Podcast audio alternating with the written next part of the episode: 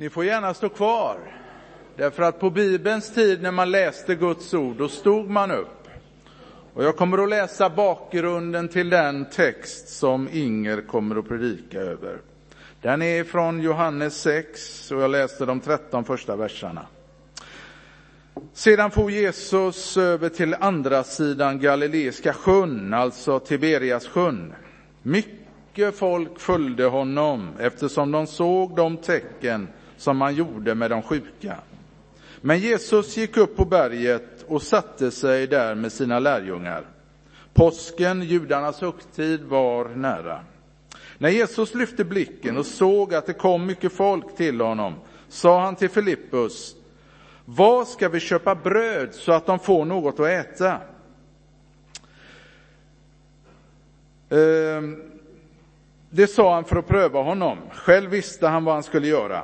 Filippus svarade, bröd för 200 dinarer räcker inte för att eh, alla ska få var sin bit.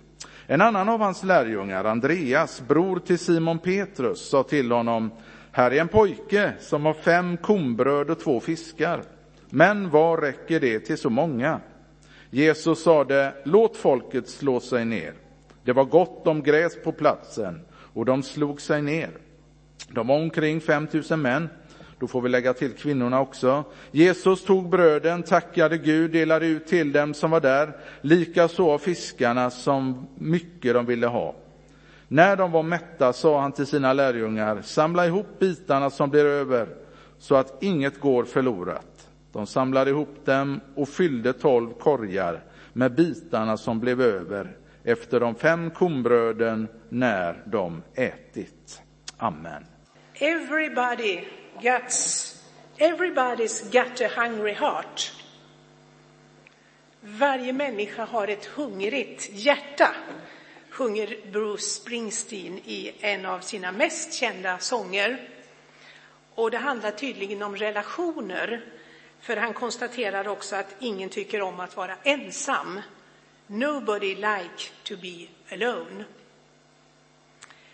Hos varje människa finns en hunger, inte bara efter bröd, utan vi är skapade för relationer. Men för att mätta den djupaste hungern så räcker det inte med enbart mänskliga relationer. Så när människan sökte sig till Jesus ute i ödemarken så var det åtminstone delvis deras djupaste hunger som drev dem. Som vanligt så fanns det säkert många olika motiv. En del längtade efter fysiskt helande, man hade ju hört vad Jesus brukar göra. Eh, och en del var mest av allt nyfikna. En del ville faktiskt utnyttja undergöraren för egna syften. Det kan vi också läsa om i det här kapitlet. Man ville göra honom till, till kung. Man trodde att man skulle få ut materiella fördelar av hans underkraft. Men för många, kanske de flesta, så fanns det ändå på botten av allt en hunger efter Gud. Och nu står Jesus där, dagen efter brödundret. Mitt i människovimlet så står han där och ropar. Han ropar rakt ner i varje människas djupaste hunger. Jag är livets bröd. Den som kommer till mig ska aldrig hungra och den som tror på mig ska aldrig någonsin törsta. Med de orden så vill Jesus klargöra innebörden i brödundret. Och det är tydligt att det handlar om relation, för han säger den som kommer till mig. Det är så vi äter brödet från Gud genom att komma till honom som är Guds bröd, Messias. Ibland kan det faktiskt vara lite grann till hjälp att ha ett hum om hebreisk poesi när vi läser vår bibel. Och ett typiskt stildrag för hebreisk poesi det är ett slags tankerim som kallas för parallellism. Jag ska inte gå in djupare på det nu, för det finns olika typer av det, men det är rätt spännande när man upptäcker det, inte minst i Saltaren. Men det är också så att Jesus uttrycker sig poetiskt, som här. Den som kommer till mig ska aldrig hungra och den som tror på mig ska aldrig någonsin törsta. Det är hebreisk poesi.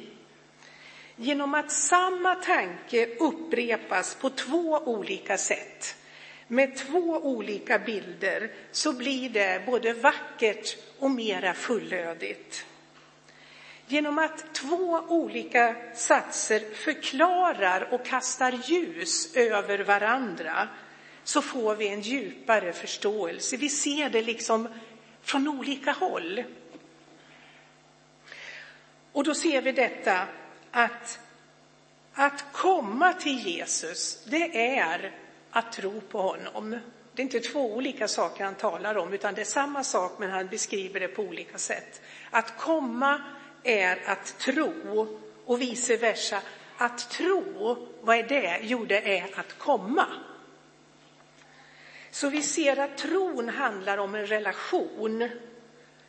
Det går inte att tro någonstans utan att komma. Och när Jesus säger att den människa som kommer och som tror aldrig ska hungra eller törsta så är det förstås två olika sätt att säga att han möter vårt djupaste behov. Aldrig hungra, aldrig törsta, säger Jesus. Som vi förstås, eh, som vi förstår så betyder ju inte det här att alla våra behov blir fyllda på en enda gång när vi först kommer till honom. Långt därifrån, det vet vi. Men det betyder att när vi har funnit honom som är brödet och källan, då är det där rastlösa jagandet över. För när vi har funnit Kristus och blivit funna av honom, så bär vi brödet och källan inom oss. Men, och det är viktigt, vi måste fortsätta att äta och dricka. Och det måste vara så eftersom det handlar om en relation. En relation kan aldrig vara statisk och stillastående. Om den ska hållas levande så måste den ständigt få ny näring och ny närhet. Som troende så bär vi alltså Kristus inom oss. Och både här i Johannes 6 som vi läste ifrån och längre fram i evangeliet så talar ju Jesus om att han förblir i oss. Så det är den grund som finns i vår relation och som vi kan utgå ifrån och lita på att han blir kvar, han stannar hos oss. Men han talar också om att jag behöver förbli i honom. För att vårda min relation till Jesus så behöver jag gång på gång stanna upp och lyssna in hans ord. För människan lever inte bara av bröd utan av varje ord som utgår av Guds mun. Så för att leva av Guds ord så behöver jag stanna upp och lyssna. För om jag inte äter av det brödet så hamnar jag förr eller senare i ett andligt bristtillstånd. Jag är fortfarande Guds barn, men det går knaggligt med vandringen och med växandet. För när inflödet av kärlek och liv från Guds ande stoppas upp så hindras fruktens mognad i mitt liv. Och när kärleken då och friden och glädjen avtar så lämnas istället fritt spelrum för det som kallas köttets gärningar och som är motsatsen till andens frukt, som växer där Guds ord får mogna. Och resultatet av köttets gärningar, det är ju framförallt skadade relationer. För när kärleken svalnar, då trillar vi så lätt ner i negativt prat, irritation, självhävdelse och maktkamper, bara för att ta några exempel. Vi behöver ständig näringstillförsel för att mogna i tron och för att stå upprätta i livets påfrestningar. Så vad ska vi göra? Vad ska vi göra med vår brist? Ja, det hjälper inte att ta sig själv i kragen och försöka vara duktig. Men det vi kan göra det är att faktiskt komma. Att faktiskt komma med vår brist, med vår fattigdom och med vår hunger. Och det är sannerligen ingen dålig väg.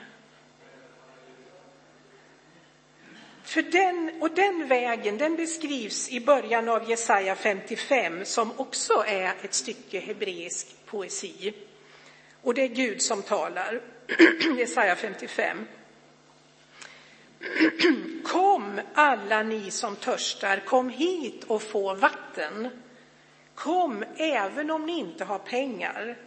Förse er med säd så att ni får äta. Kom och få säd utan pengar, vin och mjölk utan att betala. Varför lägger ni pengar på det som inte är bröd, er lön på sådant som inte mättar? Lyssna till mig, så får ni äta gott och njuta av feta rätter. Kom till mig och hör noga på, lyssna så får ni liv. Jag sluter ett evigt förbund med er, den nåd jag visat David ska bestå.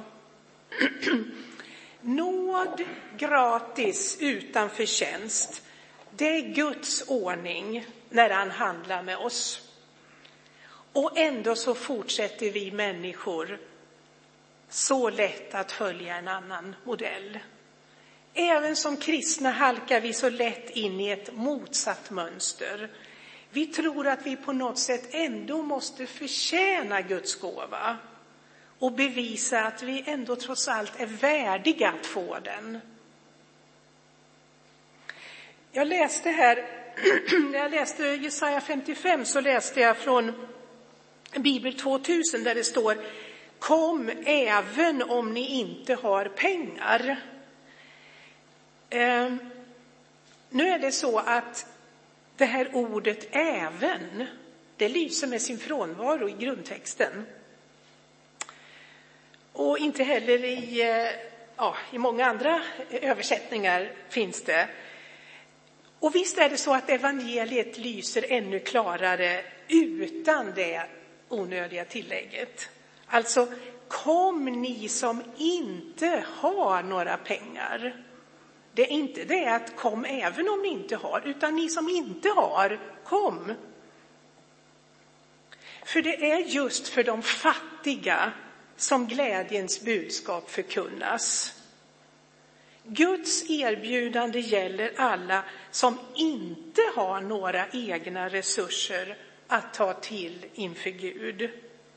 Med andra ord, kallelsen går ut till oss alla var och en. Glädjen är när vi inser att vi är fattiga och kommer och tar emot. För ingen av oss kan på egen hand mätta det där djupaste behovet. Ingen av oss kan komma till Gud och förbli hos Gud utan hans nåd. Det är ingen idé, det är bara dumt att, att tro något annat. Och ändå försöker människan på alla möjliga och omöjliga sätt att fylla det där skrikande tomrummet.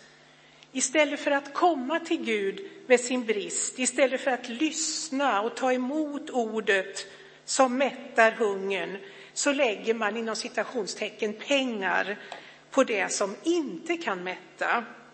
Man tröttar ut sig och man anstränger sig för sånt som inte håller i längden. Och förr eller senare är det många som kommer fram till samma slutsats som predikaren när han utropar allt är tomhet. Allt är ett jagande efter vind. Så den där bristen, den där existentiella tomheten är det bara Jesus Kristus som kan råda bot på. Och det är det som är en av huvudpoängerna med brödundret. Huvudpoängen är ju också detta att Jesus talar om vem han är. Han är Messias. För det var så man kunde tänka att Messias skulle ge brödet. Och det är den här poängen, det är det här som Jesus förklarar för dem som har letat upp honom dagen därpå, när han säger Guds bröd är det som kommer ner från himlen och ger världen liv. Ni vet, folket fick Guds manna i öknen, men Messias kom för att ge det eviga ordet. Jag är livets bröd. Han är alltså ordet. Jag är livets bröd. Den som kommer till mig ska aldrig hungra och den som tror på mig ska aldrig någonsin törsta. Och så i versen innan, vers 27. Arbeta inte för den mat som tar slut eller den föda som är förgänglig, står det i vissa översättningar, utan för den mat som består och ger evigt liv och som Människosonen ska ge er. Visst låter det som ett eko från Jesaja 55? Varför lägger ni pengar på det som inte är bröd, er lön på sånt som inte mättar? Och så, lyssna till mig så får ni äta gott. Kom till mig och hör noga på. Lyssna så får ni liv. Både Jesu ord och orden hos Jesaja ställer oss inför ett val. Ett val av livsväg och ett val av fokus. Ska jag arbeta och sträva för den föda som förgår och ha mitt fokus alltså där? Eller ska jag ta emot en gåva som gåva den föda som skänker evigt liv och så ha mitt fokus där? När Jesus mättar den här stora skaran så är det mycket mer än en social hjälpinsats. Det är också framför allt ett tecken, alltså en handling med djupare innebörd. Det är alltså som vi har sagt ett tecken som talar om vem han är och det talar också om vad han vill med oss. Jesus han såg inte bara de akuta fysiska behoven utan han såg och han ser hela människan. På botten av allt så ser han den djupaste hungern och den allvarliga andliga bristen. Och när Markus berättar om samma tillfälle så säger han att Jesus fylldes av medlidande med människorna som kom eftersom han såg att de var som får utan herde. Och då är frågan, vad gjorde Jesus då när han såg att människorna var vilsna? Jo, säger Markus, han undervisade dem grundligt. Så mötte han deras djupa andliga hunger. Det var så han gav dem det brödet. Och även evangelisten Matteus betonar Jesu medlidande när han tar upp den här händelsen. Men han berättar också att Jesus botade de sjuka. Och Lukas han skriver att Jesus tog emot folket och talade till dem om Guds rike och han botade dem som behövde hjälp. Alltså Jesus är intresserad av hela människan. Kom till mig och hör noga på, lyssna så får ni liv. Orden hos Jesaja är också Jesu budskap. Den som kommer till mig ska aldrig hungra och den som tror på mig ska aldrig någonsin törsta. Båda, både Jesus och Jesaja, uttrycker sig poetiskt när de beskriver samma sak på två olika sätt. Jesaja talar om att komma och att lyssna. Och Jesus han talar om att komma och att tro. Så tillsammans beskriver de här tre orden komma, lyssna, tro. De beskriver ett och samma förhållningssätt. En mottaglig öppenhet inför Gud och hans ord. Det handlar om att, som Jesaja också säger vid något tillfälle, lyssna som en lärjunge. Att tro är att lyssna. Det här betonas också av Paulus till exempel, i exempelvis Galaterbrevet. Att tro är att lyssna. Att tro på Jesus är att ta emot hans ord. Att lyssna noga, som Jesaja skriver. Han säger också, i en översättning stod det att böj ert öra hit. Det ligger alltså en ödmjukhet i det här ordet, att lyssna, att, att böja sitt öra, att lyssna noga. Det är att skapa rum för det levande ordet i mitt hjärta. Att lyssna noga, det är att begrunda i ödmjukhet ordet och så smälta det och låta det bli en del av mitt eget liv. Att lyssna noga, det är att äta Guds bröd så att ordet ger näring och bär frukt. Och vi läste förut från Jesaja 55 och nu till sist tar vi med också verserna 10 och 11 i samma kapitel. Det är fortfarande Gud som talar. liksom regn och snö faller från himlen och inte vänder tillbaka dit utan vattnar jorden, får den att grönska och bära frukt och ger säd att så och bröd att äta. Så är det med ordet som kommer från min mun. Det vänder inte fruktlöst tillbaka utan gör det jag vill och utför mitt verk. Det gäller också i våra liv när vi öppnar oss och tar emot Guds ord. Eh, vi ska ta en stund i stillhet. Ehm, och jag ska säga eh, det kanske viktigaste av allt som jag säger nu idag är detta att eh, hur, hur vi kan äta ordet i vår egen ensamhet, i vår egen kammare. Läs ordet långsamt, begrunda, låt det bli till en bön. Alltså, låt ordet bli till bön. När man inte vet vad man kan, ska be om så kan man be det som står i, i Bibeln, omvandla det till bön.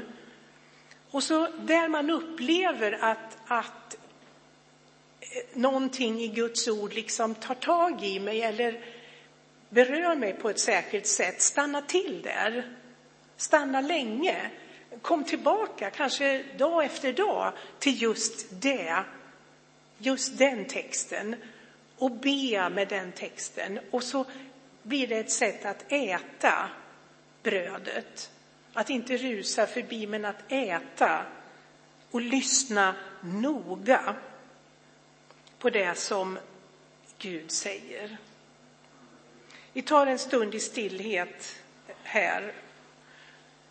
Och kan, vi kan fråga, var det något särskilt som Gud ville säga mig just idag? Och att ge vår respons till det. Vi tar en liten stund.